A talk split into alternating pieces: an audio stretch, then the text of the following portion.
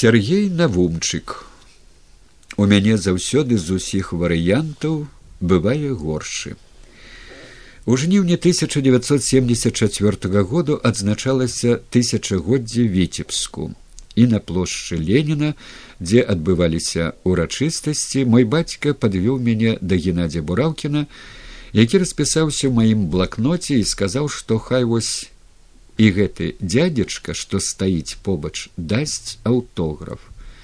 Той распісаўся в быкаў. Рос я не у інтэлігенцкай сям'і. Бацька быў партыйным работнікам, але да нас часта прыходзілі знакамітасці і менскія, і маскоўскія, таму нечага такога дзіўнага ў знаёмстве з быкавым для мяне не было. Да свайго сораму доўгі час я яго не чытаў. Тэма вайны, пра якую пісаў быкаў, мне здавалася, што ён піша менавіта пра вайну. Празмерна эксплуатавалася афіцыйнай прапагандай і не абяцала нічога цікавага. Вось караткевич гэта было захапляльна. Пішу пра гэта толькі дзеля таго, каб зафіксаваць успрыманне вялікага пісьменніка тыповым прадстаўніком маладога пакалення часоў застою. У 1982 годзе полымя надрукавала знак бяды. Гэта новы быкаў, сказаў мой аднакурснік Сергей Дубавец. Я ўзяўся чытаць. Узрушэнне было вялікае а пазней у войску часам на палігоне ва ўмовах набліжаных да баявых прачытаў і ваенныя быкаўскія аповесці. Да таго моманту, калі мне пашчасціла блізка пазнаёміцца з Васілём Уладзіміровичам, у мяне сфармавалася усведамленне гэтага чалавека як вялікай асобай. Ужо жывучы ў Менску, я сустракаўся з ім, напэўна, штомесяц, неаднаразова быў у яго дома, удзельнічаў разам з ім у розных сходах, мітынгах, прэсавых канферэнцыях, потым у эміграцыі быў у перапісцы. У апошні перыяд ягонага жыцця ў празе кантактаваў з ім ці не штодня, але да самага апошняга моманту не пазбавіўся адчування ў ягонай прысутнасці датычнасці да вечнасці. Некаторыя нават маладзейшыя за мяне называлі яго спадар Васіль ці нават дядзька Васіль. Я ж такой фамільярнасці дазволіць сабе не мог і не толькі таму, што сапраўды не пляменнік яму, гэта на ўзроўні асабістых стасункаў. Што ж да палітычнай дзейнасці ці журналісткай, дык зрабілася звыклым ацэньваць свае справы паводле крытэрыю як паставіцца да іх быкаў. Некалькі менскіх эпізодаў. Верасень 1991 прыцяга вайскоўцаў на вернасць беларусі на плошчы незалежнасці быкаў сярод тых, хто яе прымае. Нам здаецца, што наперадзе толькі светлае. 9 мая 1994 года група ветэранаў членаў бнф разам з васілём быкавым і кандыдатам у прэзідэнты беларусі зянонам пазняком міліцыя не пускае да плошчы перамогі у вачах быкава і разгубленасць і абурэнне у ліпені таго ж году фронтаўскую калёну на чале з быкавым не пускаюць да помніку апранутыя ў чорную уніформу байцы з групы падтрымкі кандыдата ў прэзідэнты лукашэнкі пры пасіўным спрыянні міліцыі. Памятаю, пабачыўшы ў тыя дні ў сталоўцы верхоўнага савета лукашэнку у атачэнні ягонай каманды маладых ваўкоў, я выказаў ім усё, што думаў пра здзек з быкава. Адказам быў цынічны смех. Цяпер гэтыя асобы літары апазіцыі, а імя быкова выкарыстоўваюць як сімбаль барацьбы з дыктатурай. Чэрвень таго ж 1994 быкаўскі 70гадовы юбілей. На сваім аўтамабілі важу Васіля Владзімировича па-менску на розныя ўрачыстыя імпрэзы. З вечарыны ў ягоны гонар у штаб-кватэры БНФ па варвашэні 8 прывёз яго на танкавую і ўжо прыкідываў у колькі прыёмаў удасся перанесці ў кватэру дзясяткі падараваных яму букетаў. Ён бярэ ў рукі некалькі кветак, а астатнія забараняй выносіць з машыны. Хай будзе вашай галі. Кватэра наша некалькі тыдняў была застаўлена ружамі. Апошняе спатканне ў Менску было 25 сакавіка 1996 году на наступны дзень пасля жорсткага збіцця удзельнікаў мітынгу у гонар угодкаў БНР, аргкамітэт святкавання якіх узначальваў быкаў. Праз дзень я выехаў з Беларусі, як тады здавалася на пару тыдняў. Потым цягам некалькіх гадоў былі толькі тэлефанаванні і лісты. Лісты напісаў вельмі змястоўныя, а на святы нават упрыгожваў іх сваімі малюнкамі. Калі ў снежні 1999 году быкаву уручалі ў Маскве прэмію трымумф, у нью-йорку па расійскім тэлеканале мы глядзелі рэпартаж з вялікага тэатру. Голас дыктара за кадрам гаварыў пра быкава, а паказвалі нейкага іншага чалавека. Я нават пакпіў з маскоўскіх тэлевізійшчыкаў за тэхнічную накладку. Гэта ж быкаў, раптам сказала жонка, якой усё ж удалося пазнаць у тым чалавеку Васіля Владимировича. Змяніла яго новая прычоска. Ён пачаў зачэсваць валасы не на бок, як раней, а ўверх. Але на пачатку двухтысячнага году, калі я прыехаў да яго ў выперсдорф, мне было цяжка звыкнуцца з новым воблікам васіля владимировича аж да таго што калі б я убачыў яго на вуліцы а не ў ягоным нумары дык напэўна і не пазнаў бы. У нямметчане я наведаваў яго толькі два разы. Канешне можна было б часцей але не хацелася навязвацца парушаць ягоны лад жыцця. А вось па тэлефоне гутарылі часта дасылаў яму і найбольш цікавыя публікацыі з беларусі У сакавіку двухтысячнага году быкаў прыехаў у чэхію на святкаванне ўгодкаў бнр тады ж у празе гасцявалі і івонка сурвіла і зянон пазняк. Прыгадваю одну гутарку падчас прагулкі ля карлава моста. Размаўлялі пра салжаніцына і василь владимирович распавёў як у 1973 годзе у яго нават не запытаўшыся паставілі ягоны подпіс под калектыўным лістом супраць салжаніцына. Тады я сказаў што праўду абавязкова трэба аднавіць і калі ён хоча мы можам зрабіць пра гэта інтэрв'ю. А што цяпер каму дакажаш сказаў тады быкаў. І ўсё ж той эпізод уключыў у кнігу ўспамінаў вядомую цяпер як доўгая дарога дадому адна з папярэдніх назваў пункціры памяці, якую мне давялося прачытаць у рукапісе яшчэ да таго, як яна была ім начытаная на свабодзе. Што ж да салжыніцына, пра якога мы з ім наогул шмат гаварылі, дык выкажу, магчыма, парадаксальную думку.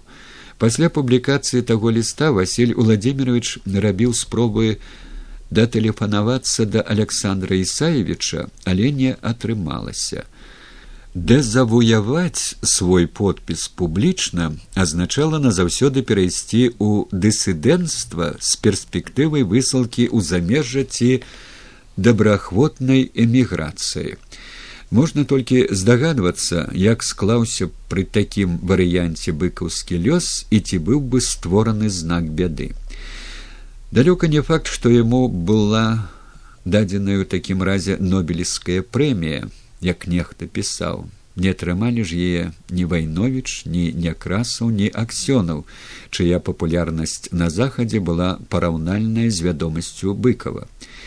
У чым я перакананы дык тое што хваля апошняга нацыянальнага адраджэння без быкова запознілася б а магчыма і зусім не адбылася б У верасні 2001 году быкаў сустрэўся з прэзідэнтам чэхіі вацлавам гавелам. Васіль владимирович прыляцеў у прагу пад вечар 11 верасня. Калі я прыйшоў да яго ў гатэль, ён быў пад уражаннем паказаных па тэлебачанні абрынутых некалькі гадзінаў таму нью-йоркскіх хмарачосаў. І вось жа самалёты ўвайшлі ў будынкі як ношу масла. Мы сышліся на тым, што пачынаецца новая эпоха, ад якой быкаў нічога добрага не чакаў. Назаўтра паехалі на грачаны ў прэзідэнцкі палац. Насуперак прагнозам Гавел не скасаваў сустрэчу, хаця ягоны расклад дня пад уплывам тэракту быў цалкам зменены. Гутарка доўжылася каля паўгадзіны.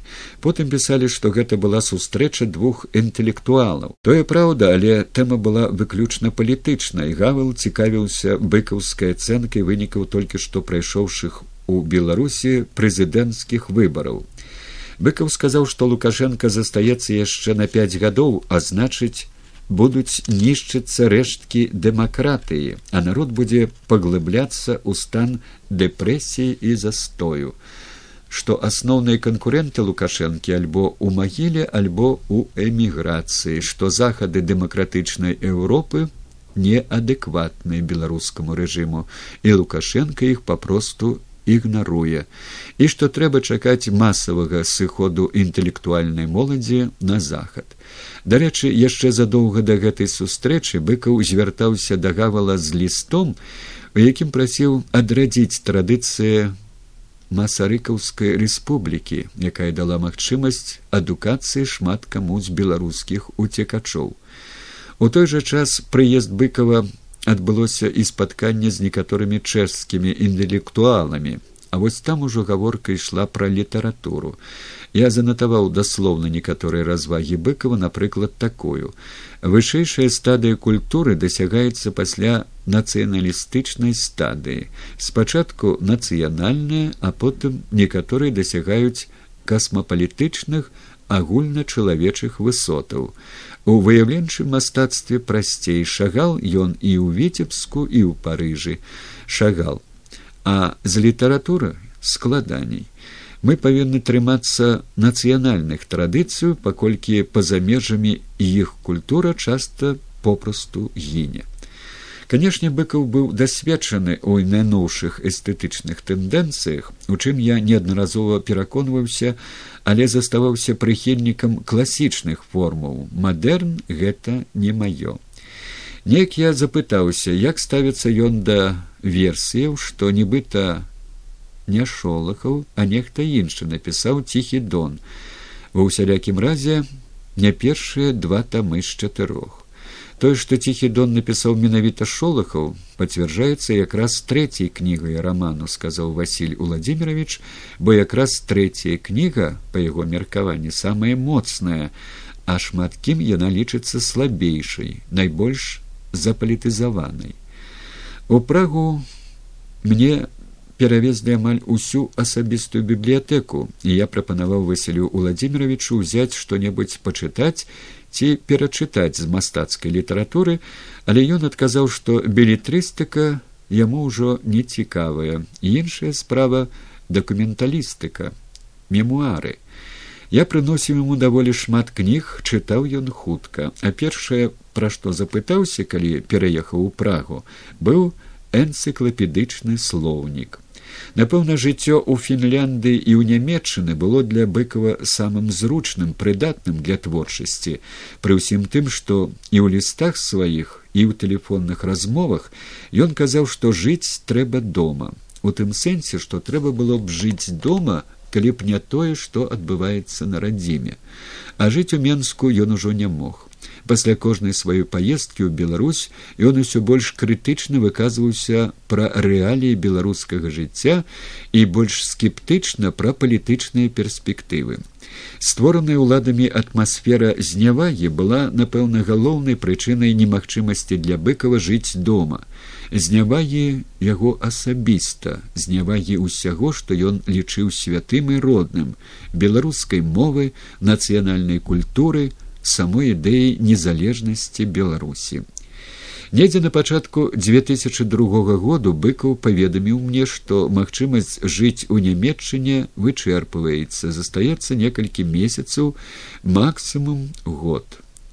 А далей а далей давядзецца вяртацца аднойчы мы нават абмяркоўвалі варыянт пераезду ў амерыку я даслаў ліст з запісаннем усіх плюсаў ды мінусаў варыянту палітычнага прытулку, хаця і без майго ліста быкаў не лічыў магчымым ісці на такі крок, які да таго ж выключае магчымасць наведвання радзімы. У лютым 2002 года у тэлефоннай размове Васіль Владимирович сказаў, што пасля нямметчыны яму прапанавалі толькі адзін варыянт мексіку і пераслаў мне факс запрашэння зроблены на ягонае імя мексіканскім пэн-цэнтрам. Калі не памыляюся, запрашэнне было на два гады з прадастаўленнем жылля, прычым быў пазначаны і адрас кватэры. Василь Владимирович сказаў, што ўжо раіўся з барысам кітом, той калісьці быў у мексіцы і адпачынак на ўзбярэжжы акіяну пакінуў у яго цудоўнае ўражанне.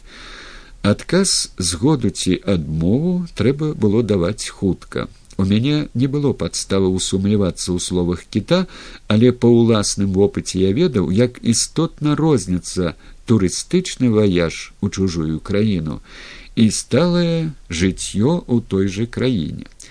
Аднаго толькі погляду на мапу было дастаткова, каб убачыць, што мехіка сіці, дзе прапаноўвалі кватаравацца быкавым у двухстах кіляметрах ад акіянскага берагу патэлефанаваў у расійскую амбасаду мексіцы беларускай там няма раён сказалі мне не самы страшны ў крымінальным сэнсе, а што да клімату дык больш за 30 градусаў рэдка бывае.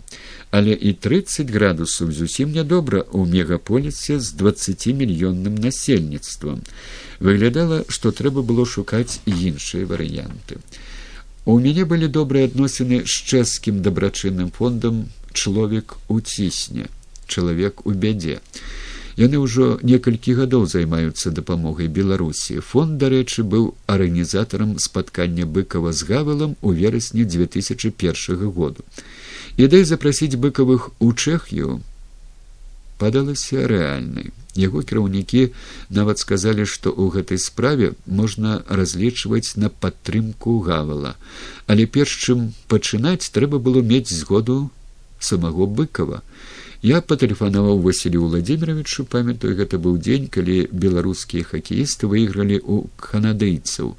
Ён адразу запытаўся, ці ведаю я вынік. І тое быў адзіны выпадак, калі я чуў ад яго цікавасць да спартовай падзеі.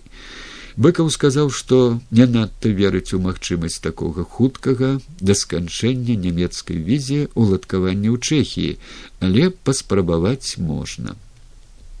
У чэрвені таго ж 2002 года, калі быкавы прыехалі ў прагу на некалькі дзён, Васіль Владимирович начытаў перад мікрафонам свабоды свае ўспаміны. У радыйным гатэлі на вуліцы Алівовай, куды прыйшлі Уладзіслав Яндзюк, Ілья Глыбоўскі, Дыян Мар'ян з фонду чалавеку бядзе, і адбылася больш канкрэтная размова. Сітуацыя выглядала няпроста. Праграма, па якой быкавы гасцявалі ў Фінляндыі і ў нямметчыне на Чэхію не распаўсюджвалася. У Чэхію можна было пераехаць на сталае жыхарства, каб не працягваць штогод візу і мець медычную страхоўку толькі праз два спосабы палітычны прытулак ці шлюб з грамадзянкай чэхіі існуе яшчэ варыянт адкрыцця ўласнага бізнесу. Натуральна што ніводны варыянт у выпадку з быкавымі не падыходзіў. Але прадстаўнік фонду взяўся дапамагчы выключэння і атрымаць для васіля владимировича ірыны михайлаўны права на пастаяннае жыхарства якое дае медычную страхоўку. Фонд браў на сябе і жыллёвую праблему. Канешне ён не мог даць тых матэрыяльных магчымасцяў якія былі ў фінляндыі ды у нямметчыны. Але у адрозненне ад гэтых дзвюх краінаў віза давалася назаўсёды а медычная страхоўка пакрывала абсалютна ўсе выпадкі Праз колькі тыдняў з канцылярыі прэзідэнта Васлава Гавала прыйшоў ліст, у якім было сказана, што даць спадару быкаву права сталага жыхарства гэта не толькі абавязак, але і гонар для чэшскай рэспублікі. Але каб атрымаць гэтае права неабходна было прадставіць вялікую колькасць паперу. афармленнем гэтых папераў і займаўся я некалькі месяцаў. Бюракратыя выявіла сябе ва ўсёй моцы, запатрабавалі нават даведкі аб несудовасці Васіля Владимировича і Ірыны Михайловны з усіх краінаў, дзе яны жылі апошнія пяць гадоў. Некаторыя паперы давялося перарабляць некалькі разоў. Усё трэба было натарыяльна заверыць, перакласці на чэшскую мову і зноў заверыць. Рабіў я гэта без залішняга шуму праўда паведаміў пра чэшскі варыянт геннадзю бураўкіну і зянону пазняку падчас нашага спаткання ў вільні. Імкнуўся максімальна вызваліць васіля владимировича ад бюракратычнай катавасіі. Від на жыхарства быў нарэшце атрыманы і мы привезлі васіля владимировича ірыну михайловну у прагу 12 снежня 2002 году Юрыдычныя праблемы аказалася вырашаць хутчэй, чым жыллёвую. Пансіён у выперсдорфе, дзе жылі быкавы, зачыняўся на калядны месяц і трэба было з'язджаць. Я прапанаваў Васілю Владимировичу пажыць у мяне, хаця нас было пяць чалавек, па некалькі месяцаў у прагу прыехалі мае бацькі, Але жылі яны з ірынай михайлаўнай у асобным пакоі, дзе быў пісьмовы стол, кампутер з інтэрнетам, ну і канешне ніякіх кулінарных турботаў. Другі варыянт аднапакаёўка ганны сурмач, якая на тры месяцы паляцела да сына ў ЗША. Гэта была асобная кватэра з маленькай кухняй у доме, які апынуўся ў зоне знакамітай летняй паводкі. На першым паверсе збілі тынкоўку, голая цэгла нагадвала старажытнае зруйнаванне. Кватэра была на трэцім паверсе, вада яе не закранула, але ў ёй на той час не было прыстойнай мэблі і нават пісьмовага стола. Васіль Владимирович падзякваў мне і сказаў, што лепш усё ж хай і не вельмі вялікая, але асобная кватэра. Зразумела, псіхалагічна больш комфортна жыць асобна, але потым я вельмі шкадаваў, што не пераканаў быкава спыніцца ў нас. Кватэра тая заганяла яго ў дэпрэсію. Фонд не меў вялікіх грошай для арэнды жылля, дзяржаўнага ж дамагацца трэба было доўга. Тыя варыянты, якія знаходзілі супрацоўнікі фонду, не падыходзілі. Сярод іх былі нібыта і неблагія, напрыклад, за горадам у прыгожых месцах, але побач не было крамы.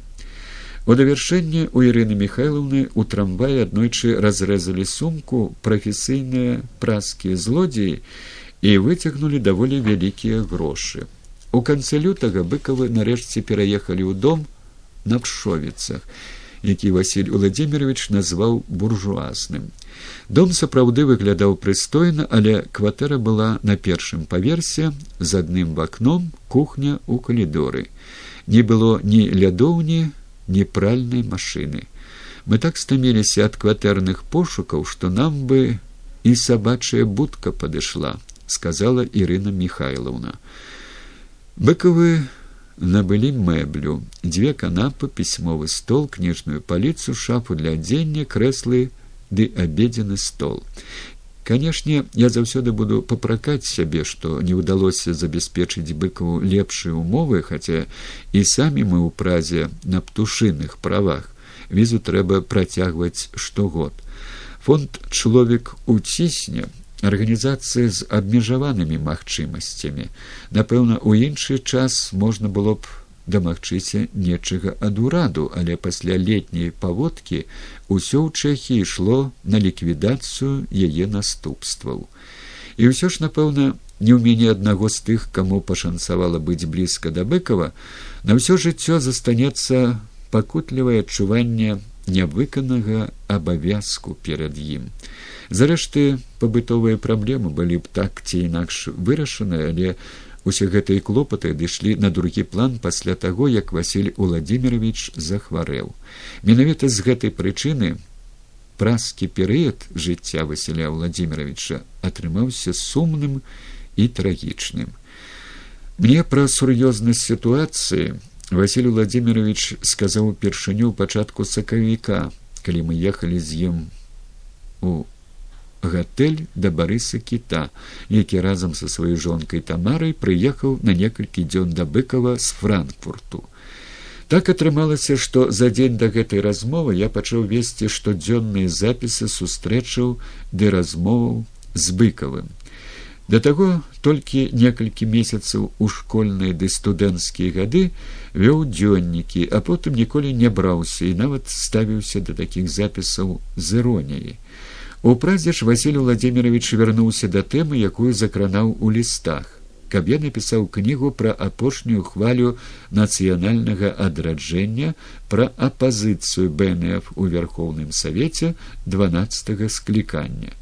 Мае адгаворкі што мемуары варты пісаць у старасці не ўспрымаў і казаў што гэта патрэбна ўжо цяпер я і сам разумеў што патрэбна тым болей што ў некалькі прыёмаў удалося вывесці значную частку архіву але не пашкодзіў бы і дзённік у нейкі момант падумалася што вось цяпер побач з быкавым якраз і трэба весці запісы.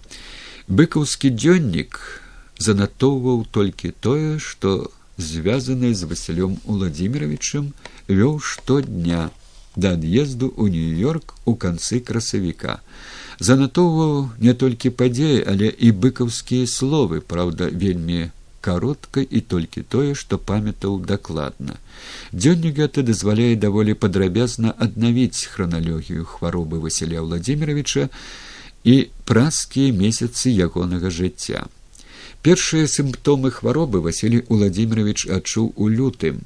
Раніцы па тэлефоне сказаў, што раптам рэзка забалеў жывот. Напэўна, атруціўся. Мой бацька прапанаваў нават нейкі травяны збор, здаецца, я яго і адвёз з быкаву.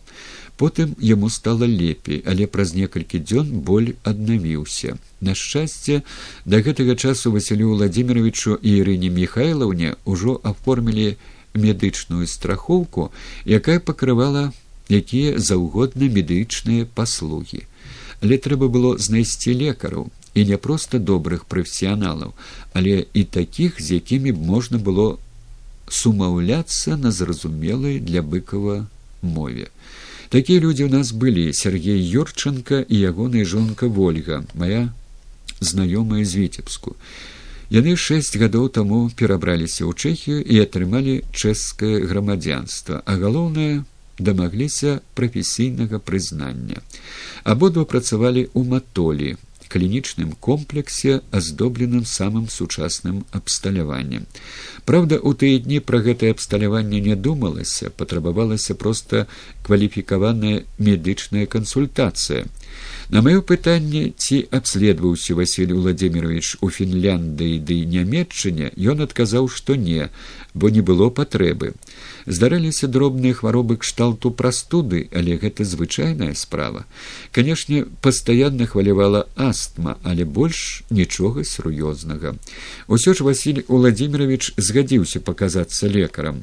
У матол яго павёз лукашук. Вольга Юрчанка пачала грунтоўнае абследаванне і з кожнай працэдурай высвятлялася ўсё больш трывожная карціна. Па дарозе да кіта і адбылася тая размова, якой быкаў упершыню вымавіў слова анкалогія. Я ніколі не чуў ад яго слова рак і сам не ўжываў з ім гэтага тэрміну. Калі анкалогія, я ўспрыму гэта як наканаванасць спакойна значыць такі ўжо лёс самі абследаванні былі непрыемнымі і пакутлівымі перад апошнім трэцім ён раптам вырашыў адмовіцца. Лекары вырашылі абследаваць усё гэта ўсё марна а раптам нічога няма тады дарэмна. Я прыехаў да яго і гадзіны з тры угаворваў быкаў пагадзіўся каб ужо высветліць усё канчаткова. А за тыя два тыдні пакуль будуць чакаць вынікаў аналізаў можна будзе з'ездзіць у менск василь владимирович пастаянна казаў пра неабходнасць такой паездкі на некалькі дзён каб пабачыцца з сынамі ды палагодзіць пабытовыя справы атрымаць пенсію заплаціць за кватэру Абследаванне пачалося шостага сакавіка. У той дзень увечары я гутарыў з ім па тэлефоне, ён быў вельмі стомлены. Я ніколі не чуў да гэтага ў ягоным голасе такой пакуты.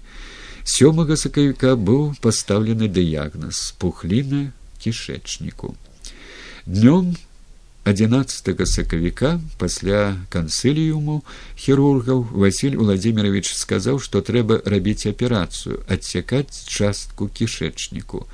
Калі гэтага не зрабіць, пухліна можа заблакаваць праход, утворацца разрыў, прычым здарыцца гэта можа ў любы момант, горш за ўсё, калі ў дарозе, так што паездку ў Менск давялося адкласці. У той дзённай размове мне падалося, што Васіль Владимирович згадзіўся на аперацыю. На мае словы, што трэба спадзявацца на лепшае, адказаў, што ў яго заўсёды з усіх варыянтаў бывае горшы. Калі б гэта была проста звычайная пухліна, е можна было б выдаліць без асаблівых непрыемнасцяў нават у такім узросце, але у Васіля Владимировича была астма і да таго ж ішэмія. Вольга Юрченко знайшла і сляды інфаркту, пра які быкаў і сам не ведаў, а значыць, не было гарантыю выхаду з наркозу. Але гэта было яшчэ паўбеды. У той жа дзень 11 сакавіка Васіль Владимирович упершыню сказаў мне пра хіміятэрапію як пра вырашаную справу. Сергей Юрченко паведаміў мне, што хаця аналіз яшчэ не гатовы, але практыка паказвае, што амаль пэўна, пухліна носіць злаякасны характар. У любым разе пасля аперацыі трэба рабіць хіміятэрапію, аднак яна будзе не праз капельніцу, а праз таблеткі, самыя лепшыя французскія, якія адмыслова замоўленыя. Невядома толькі, як успрыме іх арганізм. Калі добра, анкалагічны працэс запаволіцца, а гэта можа даць некалькі гадоў жыцця. Сергей дамовіўся, што аперацыю будзе рабіць лепшы ў чэхіі хірург паўка, той самы, што аперыраваў прэзідэнта гавала. З аднаго боку аперацыя можа выступіць каталізатарам ракавага працэсу, але з другога, калі яе не рабіць, можа здарыцца разрыў, а гэта амаль гарантаваная пакутлівая смерць праз некалькі дзён. Увечары Василий Владимирович сказаў, што пагодзіцца на аперацыю. Ірыне Михайлу не было няпроста падтрымліваць неабходную дыету, таму моя жонка Галя ўзялася гатаваць булёны, аўсяную кашу, нейкія адмысловыя парныя котлеты ды адварную рыбу. Потым дае далучылася і ольга абламейка. гатавалі па чарзе, а завозілі ці я ці Сергей абламейка які меў свой аўтамабіль василь владимирович называў гэтыя стравы смакоццем аднойчы я паспрабаваў той ежы і мне яна падалася пазбаўленай усялякага смаку нягледзячы на медычнае абследаванне на падрыхтоўку да аперацыі Васіль Владимирович сачыў за тым, што адбываецца ў свеце і ў Беларусі. Кожны дзень слухаў беларускую праграму радыё свабода. Амаль штодня прыносілі мы яму і дайджесты прэсы, некалькі дзясяткаў старонак палітычнай аналітыкі, якую ён таксама прачытваў. У сакавіку ў Менску адбыўся сход інтэлігенцыі і быкаў напісаў прывітальнае слово. Тэкст попрасіў мяне даслаць факсам. Крыху пазней мы запісалі і голас. Запіс быў перададзены ў Менск, але чамусьці на сходзе не прагучаў, хаця ў тым апошнім варыянце былі істотныя удакладненні. Між іншым гісторыя з быкаўскімі зваротамі дала магчымасць падзівіцца на звычай некаторых журналістаў з незалежнай мінскай прэсы. Зварот да інтэлігенцыі быў надрукаваны ў нашай ніве перад сходам без усялякага дазволу на тое Васіля Владимировича, што яго вельмі здзівіла. Затое тэкст віншавання да 85х угодкаў утварэння БНР, які быкаў падрыхтаваў як старшыня нацыянальнага аргкамітэту адмыслова для прэсы наша ніва друкаваць адмовілася як мне патлумачылі толькі што надрукавалі зварот быкова да інтэлігенцыі у папярэднім нумары і яшчэ адзін тэкст дэвальвуе быкова Святкаванне угодкаў БНР для Васіля Владимировича не было фармальнасцю. Ён быў перакананы, што 25 сакавіка 1918 года адбылася самая значная падзея ў гісторыі Беларусі аднаўленне незалежнасці, якую Беларусь пазней страціла і зноў здабыла праз 70 з нечым гадоў дзякуючы БНФ, духоўным сімбалем якога стаў быкаў. У апошнія дні гэта засталося ў маім дзённіку ён шмат гаварыў пра пазняка заўсёды высока ацэньваючы ягоныя заслугі казаў што пазняк зарабіў значна болей чым можна было зарабіць ва ўмовах якія ад яго не залежалі а вызначаліся пераважна ўзроўнем нацыянальнай свядомасці народа.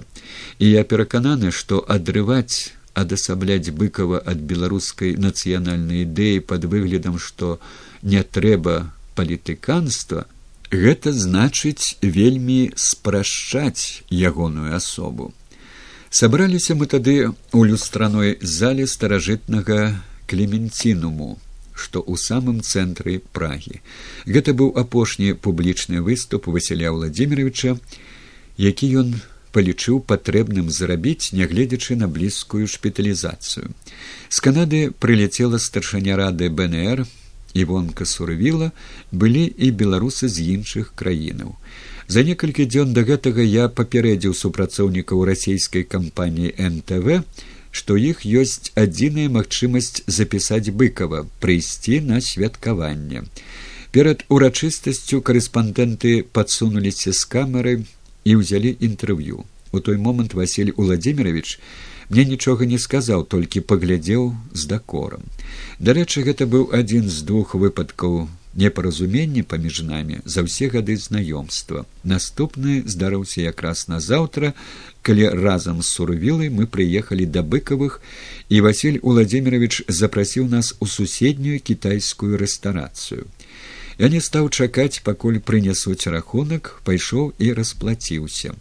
Василь владимирович пакрыўдзіўся. Сярожа а вось гэтага рабіць я вас не прасіў. За гэты выпадак мне сорамна тэлегрупа ж была падстроена слушна калі потым я паведаміў што інтэрв'ю тое і рэпартаж са святкавання бачылі і ў беларусі і ў ЗША василь владимирович быў задаволены. Як аказалася гэта было апошняе ў жыцці быкова тэлевізійнае інтэрв'ю.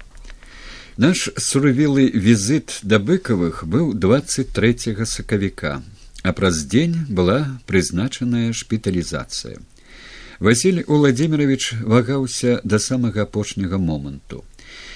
Яшчэ калі ішлі на святкаванне, ён сказаў мне, што падобна у печані знайшлі метастазы, але ён пачаў сумнявацца ў мэтазгоднасці аперацыі, можа, Хай расла б сабе гэтая пухліна і расла яшчэ дзесяцігоддзі, тым больш што нібыта боль і сышоў.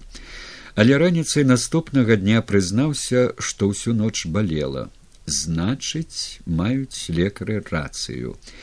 Выглядае, што канчаткова пераканаў яго ў неабходнасці аперацыі малодшы сын Васіль, лекар па адукацыі, які ў тэлефоннай гутарцы сказаў, што ў Беларусі такія аперацыі ў падобным узросце робяць шмат каму.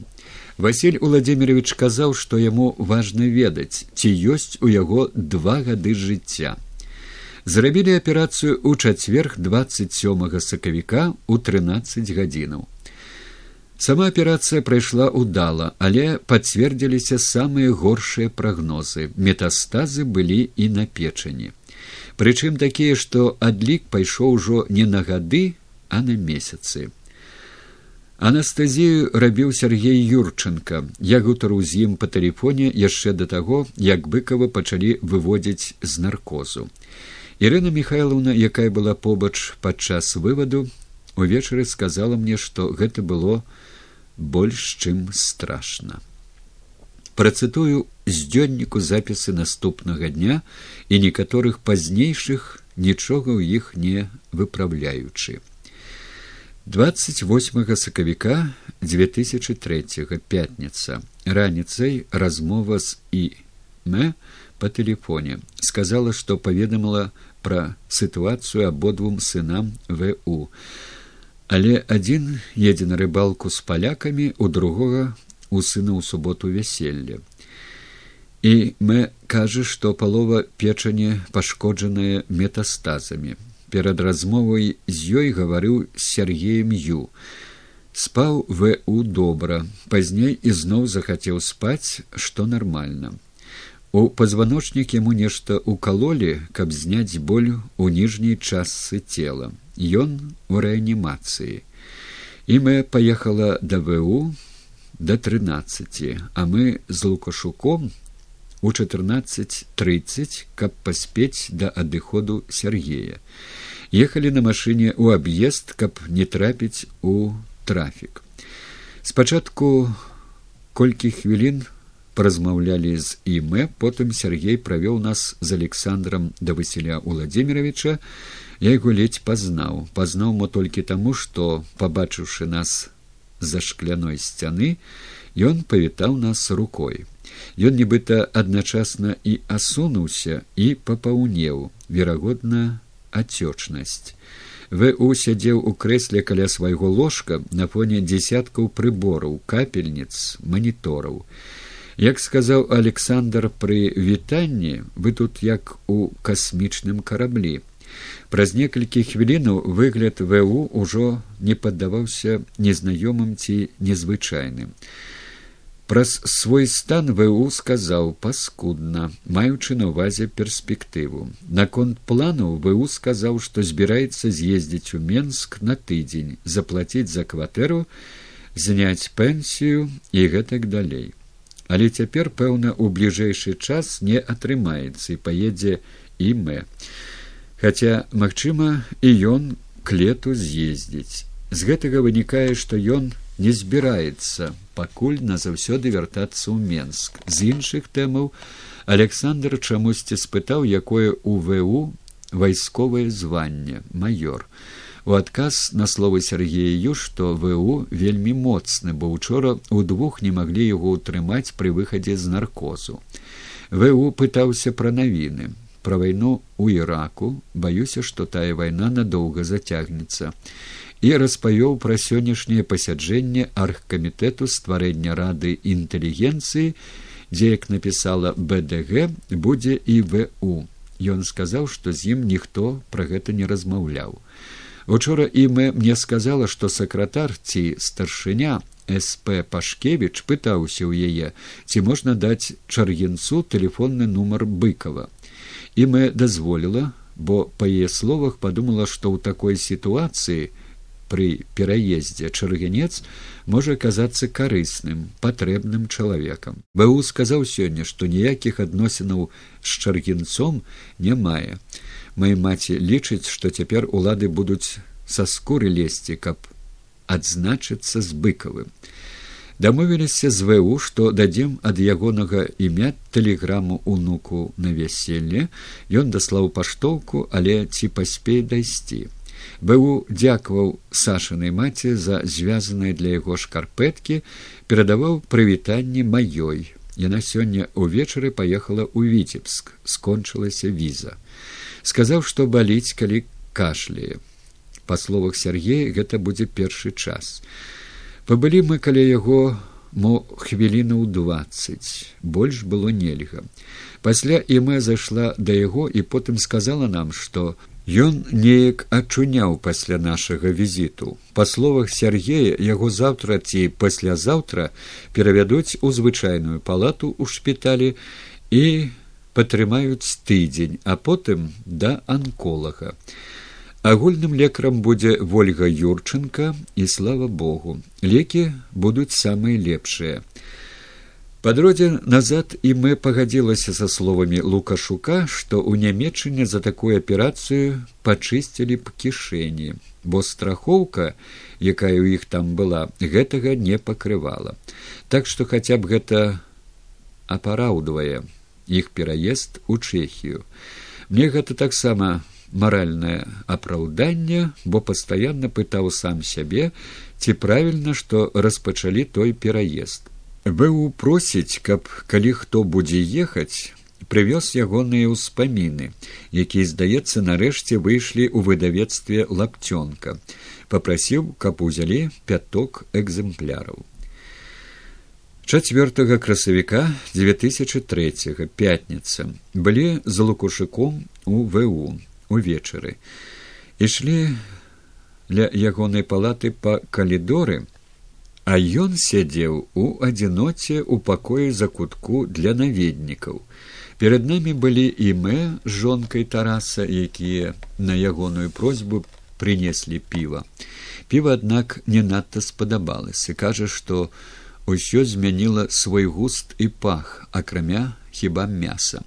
Мяса, якое тут даюць яму падабаецца. Лукашук прынёс міні-магнітапон для праслухоўвання міні-дыскаў, на які пішуцца нашыя радыёпраграмы. І самі дыскі штук сем і доўга тлумачыў, як карыстацца, бо тэхніка сапраўды новая.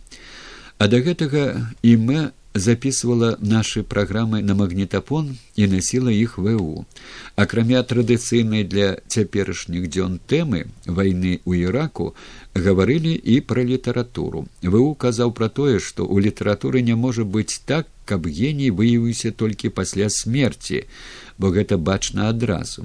І што час не зводзіць у нішто рэчы які здаваліся актуальнымі. Прыкладам дзеці арбату рыбакова спытаўся я. Так адказаў ву.